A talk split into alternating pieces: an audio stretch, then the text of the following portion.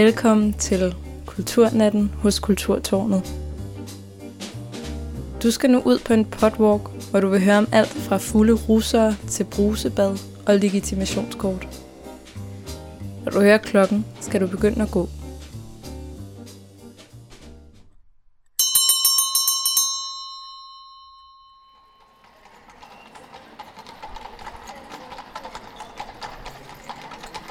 Lige nu går du ved siden af hans knæb.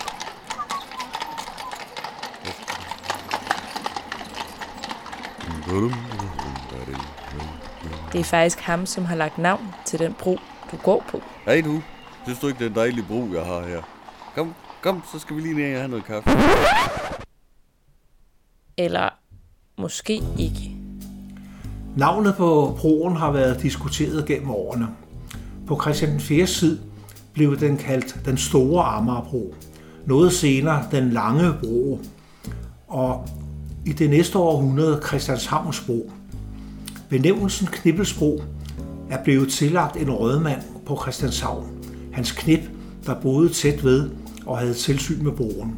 Dog er det mere sandsynligt, at navnet skal udledes af knippelsbro, det vil sige en bro belagt med knibler eller bjælker, hvilket var almindeligt i samtiden. Ham, der lige har gjort os lidt klogere, hedder John Pri, og han har arbejdet i havnen i 37 år og kommer til at være vores følgesvend på den her potwalk. Vi skal også møde Jytte og Sofie, men dem kommer vi til. Ja, enmandsbetjeningen, den røg jo efter ombygningen på Knibbelsbro, ikke? og tilsvarende på Langebro. Og, og det er jo mange år siden, altså jeg gik der til sidst.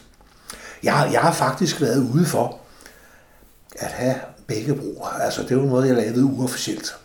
Øh, hvis jeg havde no- en sjældent gang havde jeg nogen om natten. Altså hvor jeg havde snakket med skiberen, og han ville gerne ud inden kl. 15. Så ringer han og siger, åh, det når jeg ikke, så går jeg kl. 18. Så ringer han igen op af aftenen, åh, det når jeg ikke. Og der var en, han skulle ud. Han skulle sejle materialer til, til Sydhavnen. Og det endte sgu med, at jeg lukker ham igennem kl. halv to om natten. Han kom så der over middag eller sent på aftenen en anden en, ikke? Og så hvis han skulle gennem Knibbelsbro først, så sagde jeg, hvordan? Jeg åbner Knibbelsbro, og så når du er kommet igennem, så bakker du af. Og så cykler jeg hen på Langebro og åbner den. Fordi så altså, tænkte jeg, så slipper vi for at, at tilkalde en mand eller to. Altså min hyre, den drejede alligevel, ikke?